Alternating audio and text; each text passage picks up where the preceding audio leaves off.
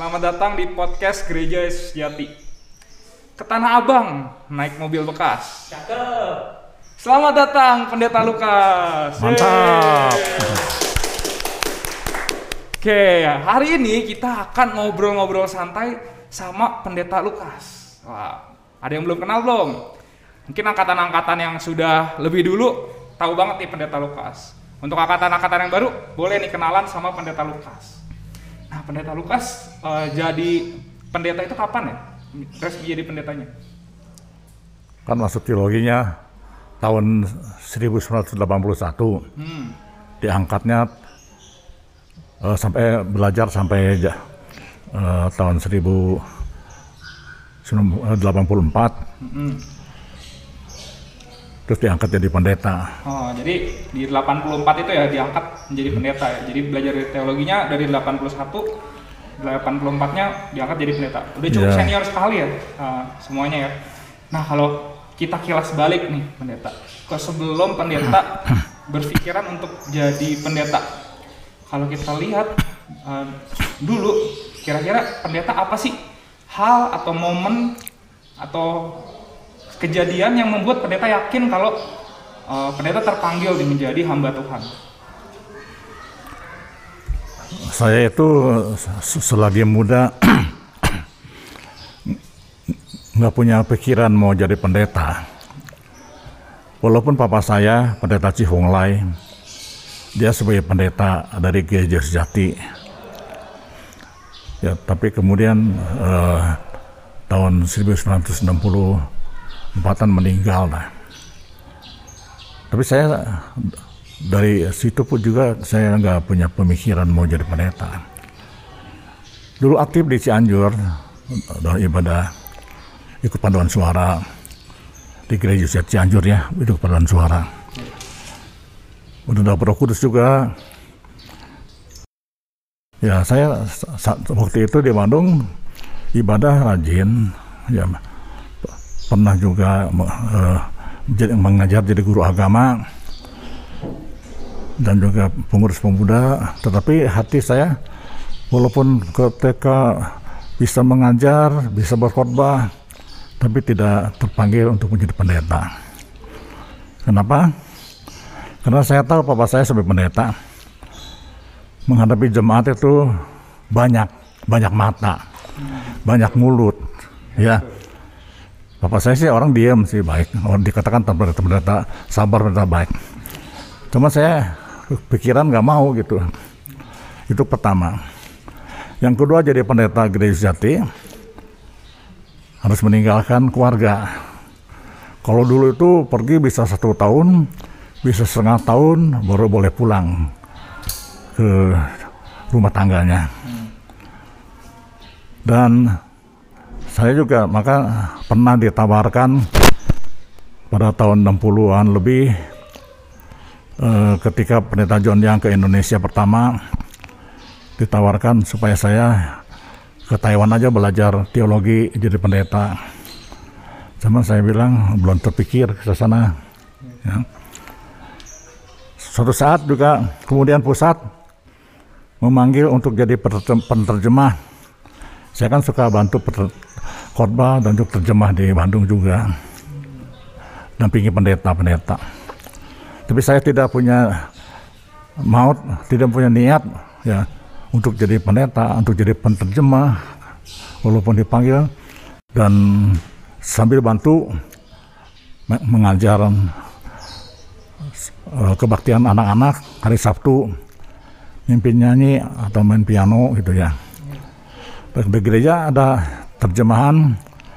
Kadang-kadang kita saya juga bantu untuk mendampingi pendeta untuk terjemah juga yang eh, sukarela lah gitu ya. Dan sampai akhirnya ya saya pernah mengarang satu lagu eh, Mars Kanaan. Oh, Sekolah Kanaan adalah materku itu yang saya yang buat itu. Aduh. Ya Eh, hafal sana lagu itu. Dulu di kanan juga soalnya. Ya, dan akhirnya dan akhirnya saya dari sekolah ditarik ke gereja, ditarik ke gereja bantu. Dan ketika pembangunan sebelumnya ya, ketika pembangunan gereja di Samanhudi beserta eh, ada bangunan sekolah juga yang nyambung ke sekolah belakang. Itu saya ditugaskan oleh Majelis Pusat sebagai mandor. Ya. Pernah kerja sebagai mandor di sana. Ya, pernah diajak juga oleh jemaat untuk kerja di bank di Banjarmasin, saya nggak mau. Tetapnya kerja situ. Sampai selesai itu pun sampai bangunan, sampai ngajar di sekolah, sambil menterjemah lisan maupun tulisan. Ada buku-buku kanan yang dahulu masih ada SD sampai SD 1 sampai SD 6 ya. saya juga ikut terjemah. Dan juga termasuk lagu Kinurhani nomor 310 itu. Itu juga yang saya terjemahkan ya, terbitkan dan dipakai. Tapi saya tidak punya niat untuk jadi pendeta maka satu saat saya mendampingi pendeta ke mana keliling Indonesia. Baik itu John Yang, Jia Sun Tao, Chan Se, Penato Kotsiyen setiap kali khotbah menyinggung kalau gereja Jati tidak ada pemuda yang mau mempersembahkan diri sebagai pendeta bagaimana gereja Jati bisa maju? Langsung pada waktu itu saya terjemah nggak bisa terjemah.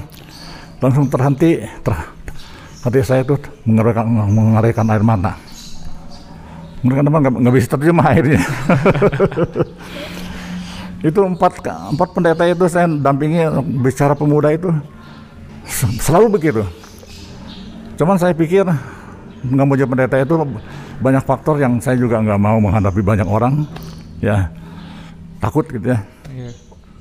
dan juga di samping itu juga saya pikir saya sekolah juga nggak S1 biar mereka aja yang S1 SMA SMA pun setengah tahun udah, udah berhenti nggak nerusin ke sekolah.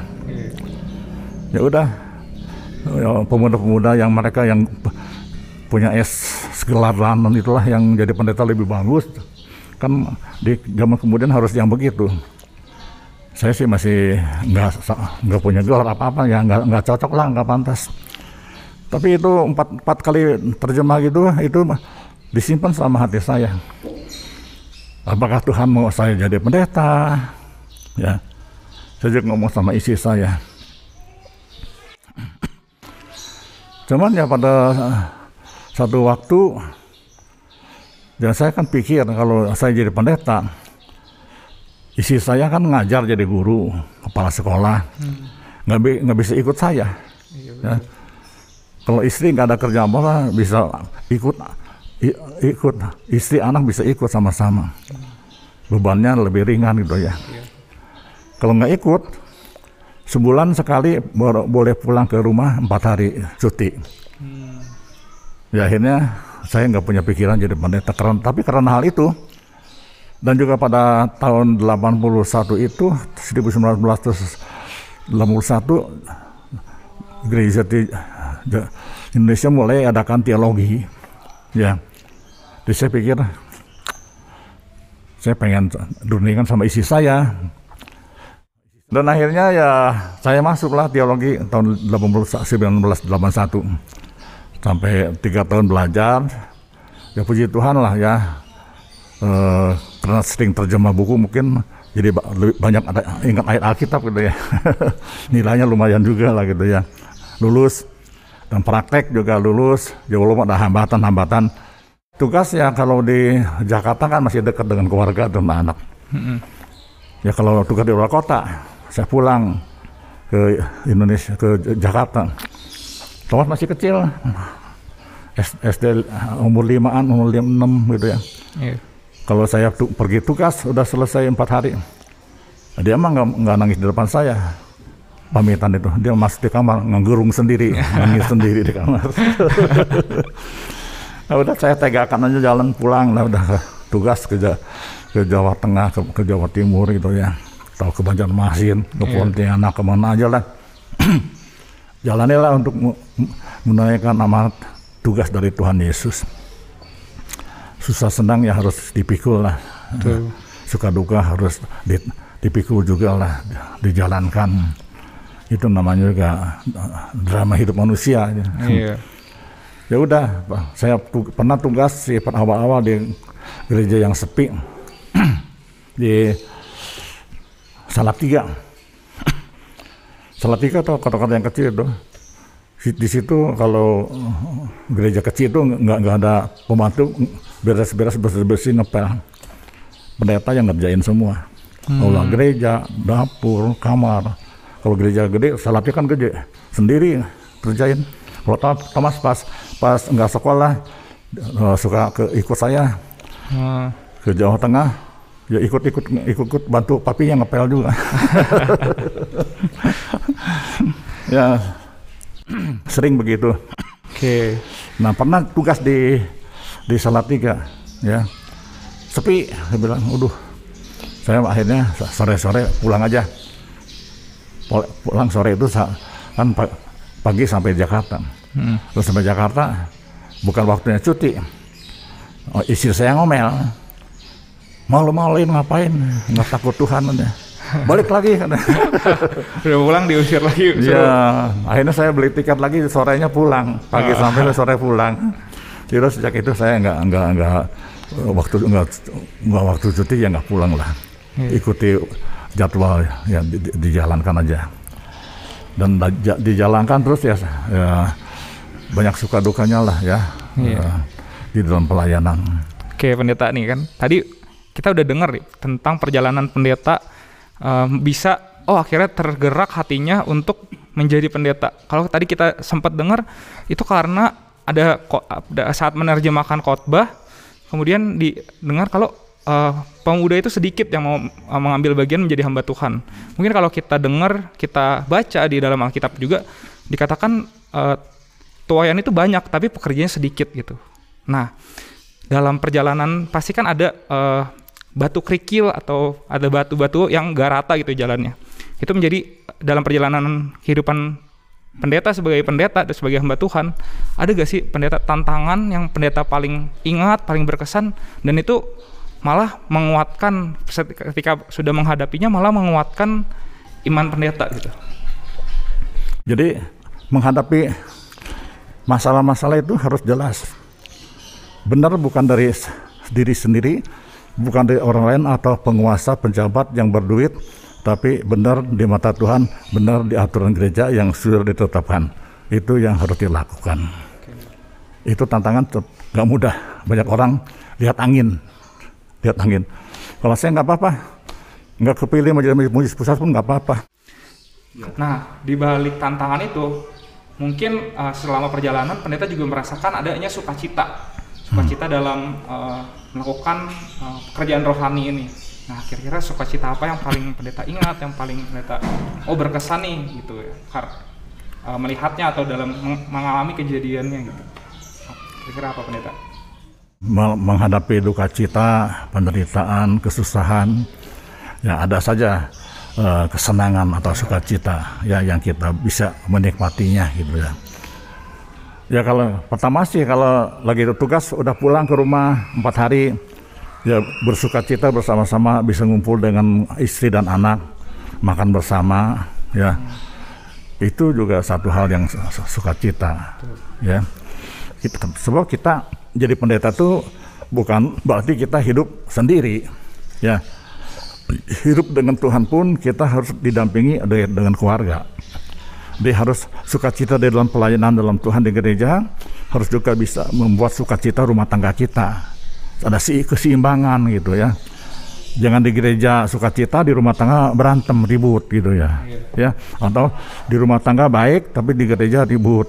Jadi nggak bagus. Kita harus ikuti hal yang membuat sukacita sesuai dengan apa yang Tuhan ajarkan dan Tuhan kehendaki. Bersukacitalah dalam Tuhan. Ya bersukacitalah dalam kebenaran. Gitu. mungkin kadang kan uh, ada orang yang suka nggak bisa gitu ya merasakan sukacita itu. Mungkin ada tips gak dari pendeta? Gimana uh, oh nah ketika dalam perjalanan misalnya kayak banyak kan uh, sekarang kan ada banyak pelayan pelayan Tuhan gitu ya. Bisa melayani melalui bidangnya masing-masing. Gimana caranya agar mereka juga bisa merasakan sukacita itu? Apa yang mereka harus misalnya pelajarin lah atau apa gitu? Eh, bersuka cita itu terhadap pelayan-pelayan ya. Masing kita harus menghargai masing-masing pelayan kelebihan mereka masing-masing dan bisa menempatkan karunia mereka masing-masing, menghargai karunia masing-masing. Jadi jangan menetapkan misalkan saya dulu sebagai PIPG pegang ngatur pendeta gitu ya. Ya, sembarang mengatur. Kita harus bisa mengatur sesu- sesuai dengan apa yang mereka bisa lakukan. Nah, kita juga jangan mencela apa yang mereka tidak bisa lakukan. Nah, boleh menasihati dan kasih jalan. Ya. Ya bersyukur juga saya juga eh, termasuk eh, dapat di depan ada guru-guru agama yang nggak mau jadi pendeta atau jemaat yang nggak mau jadi pendeta. Saya juga bisa menasehati dari guru agama jadi pendeta, dari jemaat jadi pendeta. Ya itu juga satu sukacita yang luar biasa. Ya untuk kemudian nama Tuhan lah gitu ya, bukan untuk menyombongkan diri. Iya. Ya jadi pendeta nggak usah takut kekurangan uang keku- atau jadi miskin ya. Iya. Yang penting kita setia, benar sampai akhir melakukan pekerjaan kita untuk bertaman jemaat, kemudian gereja dan juga keselamatan banyak jiwa, nama Tuhan dimuliakan. Itu yang pertama, yang penting saja gitu ya. Iya. Oke. Su- Maka sukacita itu sukacita dalam hal kebenaran, dalam eh, dalam Tuhan Yesus, dalam Roh Kudus, dalam pelayanan Tuhan. Oke, tadi eh, banyak sekali ya dari tantangan yang dihadapi, sukacita yang dialami. Nah, terakhir nih pendeta, mungkin ada pesan untuk ada pesan gitu untuk eh, mungkin hamba Tuhan yang akan yang akan nantinya diresmikan menjadi hamba Tuhan atau mungkin buat jemaat yang saat ini belum terpanggil gitu jadi hamba Tuhan.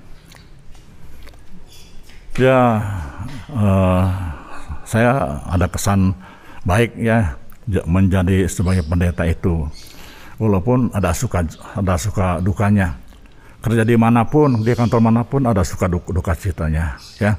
Masing-masing ada ada ringan beratnya, ya. Tergantung orang punya dari Tuhan. Jadi pendeta juga ada yang senang, ada yang kurang senang, ya Iya. ada tempatkan di tempat yang susah, tempat yang senang. Itu, itu sudah pengaturan Tuhan harus kita terima di mana pun kita bertugas, kita jalankan sesuai dengan tugas yang diperintahkan, diberikan oleh gereja, oleh Tuhan untuk kita. Kalau mempersembahkan, persembahkanlah diri menjadi pendeta yang baik, yang eh, tidak takut menghadapi berbagai macam tantangan dalam pelayanan. Ya termasuk juga kamu ya jangan takut memaksakan diri jadi pendeta bersiap saja ya enak jadi pelayan Tuhan itu ya kita suka bersatu dengan Tuhan melayani sukacitanya luar biasa. Ya ada kebahagiaan banyak. Kita kebahagiaan jangan nggak karena duit lah ya. Duit mah sementara duit bisa habis orang kaya pun bisa bangkrut ya. Tapi yang penting sukacita dalam pelayanan yang tidak ada nilainya yang akan dinilai oleh Tuhan mendapatkan satu pahala yang Tuhan berikan baik untuk hidup kita secara rohani di dunia maupun hidup kita nanti dalam kerjaan surga nanti ya, saya akan juga banyak pemuda yang bisa mempersiapkan diri sebagai eh, pendeta-pendeta lah ya. ya sekarang ada bagiannya pendeta-pendeta yang muda mereka masing-masing tugas di cabang diharapkan mereka bisa eh, memacu para pemuda untuk bisa mem- mempersembahkan diri sebagai pendeta. Oke, terima kasih pendeta atas waktunya, eh, kesempatannya bisa ngobrol-ngobrol tentang menjadi hamba Tuhan. Ya mungkin eh, buat rekan-rekan eh, yang lagi dengerin di rumah, di mobil, di mana pun sudah mendengarkan ini, hatinya menjadi terketuk untuk dan terpanggil menjadi hamba Tuhan. Oke, mungkin pendeta ada kata-kata penutup.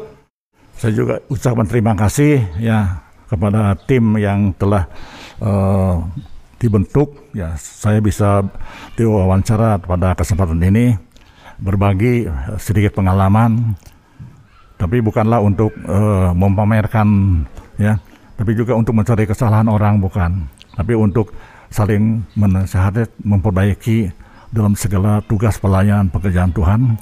Diharapkan juga semua para hamba Tuhan, semua para pekerja Tuhan, semua sidang jemaat ya dapat berlanjut untuk memperjuangkan ban- banyak pendeta yang dihasilkan untuk menjadi eh, pelayan Tuhan di gereja sejati. Amin. Nama Tuhan dimuliakan. Berkat untuk kita semua. Haleluya. Amin. Amin. Oke, selanjutnya eh, nantikan podcast dengan anaknya dari Pendeta Lukas.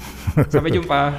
Halo semuanya, selamat datang di podcast Gereja Sejati. Kembali lagi nih, kalau di video sebelumnya kita bersama dengan eh, Pendeta Lukas. Nah, sekarang kita akan ngobrol dengan anaknya. Pergi ke ladang menggali emas. Nah, selamat datang Kak Thomas. Oke. Wih, Boleh deh salam Viko kita. Halo Kak Thomas. Nah, apa kabar nih Kak Thomas? Baik, Wah, puji Tuhan. Puji Tuhan.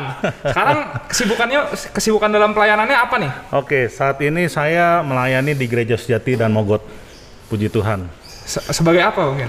Eh, saya sebagai guru agama, eh, kadang-kadang saya diminta untuk membawakan firman Tuhan eh, atau khotbah. Oke.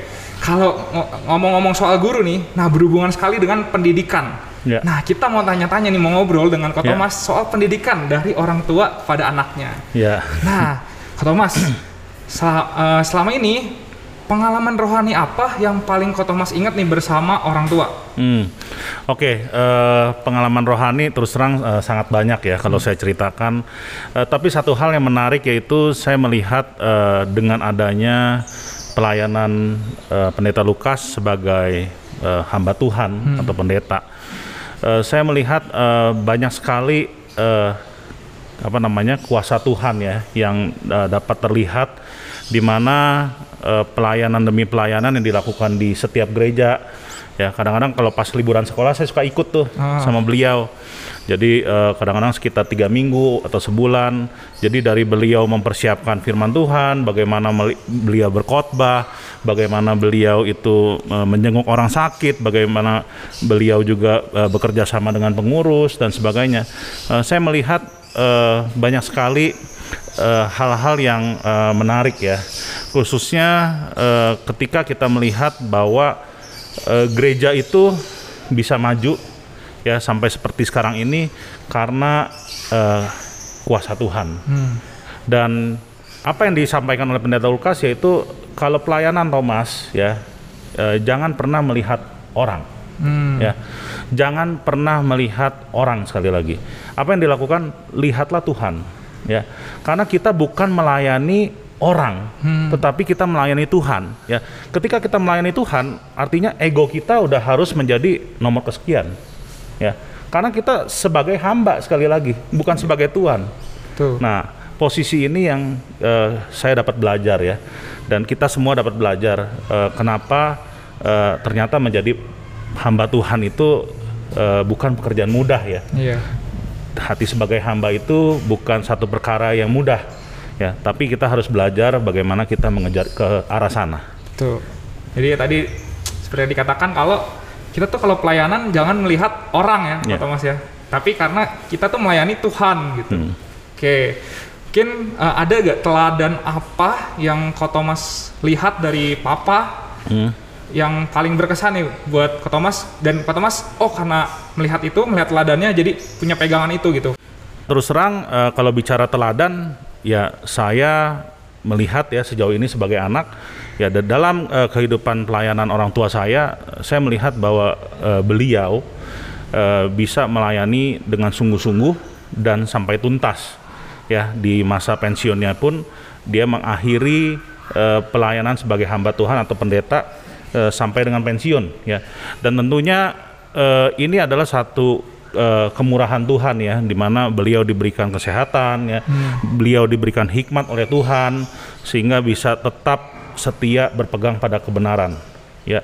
Jadi eh, itulah yang saya lihat keteladanan itu bukan hanya melayani tetapi melayani dengan setia. Oh, melayani dengan setia. ya. Oke, kalau tadi dari eh, pendet dari Papa ya dari pendeta Lukas. Kalau dari Mama ada gak? satu hal yang sedikit berbeda yaitu mami itu orangnya disiplin Hmm. ya sangat disiplin dan eh, tegas ya memang tidak semua orang menyukai eh, karakter ibu saya ya karena disiplin dan tegas itu tidak nyaman buat sebagian orang Betul, ya. betul.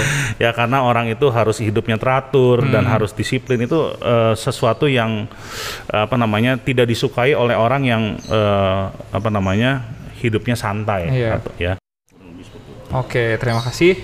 Nah, kalau kan tadi teladan nih dari apa yang Ko Thomas lihat. Nah, mungkin secara langsung ada gak ya dari papa atau dari mama atau keduanya yang em, menasihatkan itu ada nasihat-nasihat yang Ko Thomas ingat dan Ko Thomas pegang sampai sekarang dan Ko Thomas jalankan gitu.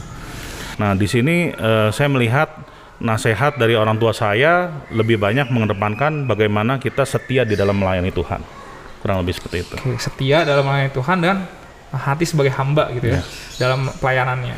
Ya. Oke, mungkin nih eh, buat orang-orang yang di rumah yang mendengarkan podcast ini ada kata-kata penutup dari Thomas untuk mereka, terutama dalam pelayanan gitu ya, mungkin untuk para pekerja, terus juga mungkin orang-orang yang eh, masih eh, harus diketuk nih pintunya untuk melayani Tuhan. Ya, tentunya melayani Tuhan eh, ini sebuah hal yang eh, harus kita lakukan ya. Karena Tuhan lebih dahulu mengasihi kita. Yang kedua, melayani Tuhan ini adalah sebuah kebutuhan, hmm, bukan sekedar keinginan. Kenapa? Kita butuh dekat dengan Tuhan. Ya. Jadi Iya. kontekstual pelayanan itu kita harus melihat dari perspektif yang berbeda. Jangan berpikir gereja membutuhkan saya. Betul. Ya. Atau Tuhan membutuhkan saya. Kita harus berpikir kita yang membutuhkan Tuhan. Betul. Saya harus mendekatkan diri kepada gereja tuh. ya karena Tuhan adalah pokok anggur ya dan kita yang harus senantiasa mendekatkan diri kepada Tuhan supaya apa kita senantiasa hidup, ya bertumbuh dan bisa berbuah untuk kemuliaan nama Tuhan Oke. itu aja Oke, t- obrolan kita mungkin sampai di sini aja ya Thomas ya. Ya. Mungkin di tengah kesibukan Ko Thomas. Nah, terima kasih nih udah meluangkan waktunya untuk kita untuk berbagi bagaimana sih pendidikan dari uh, orang tua sehingga oh diingatkan kalau kita tuh harus melayani dengan hati kita sebagai hamba gitu, dan setia kepada Tuhan. Oke, terima kasih Ko Thomas. ya sampai Oke. ketemu terima kasih Oke, Tuhan berkati Tuhan berkati. Oke, demikian podcast kita bersama uh, Pendeta Lukas dan juga anaknya Ko Thomas. Nah, dari dua sosok ini kita banyak belajar ya bagaimana kita mau mengambil uh, pelayanan untuk menjadi hamba Tuhan dan kita sebagai pelayan uh, harus memiliki hati sebagai hamba, hati yang setia kepada Tuhan karena kita membutuhkan Tuhan sebagai pusat yang untuk kita bertumbuh dan juga berbuah. Oke, sampai jumpa di podcast selanjutnya.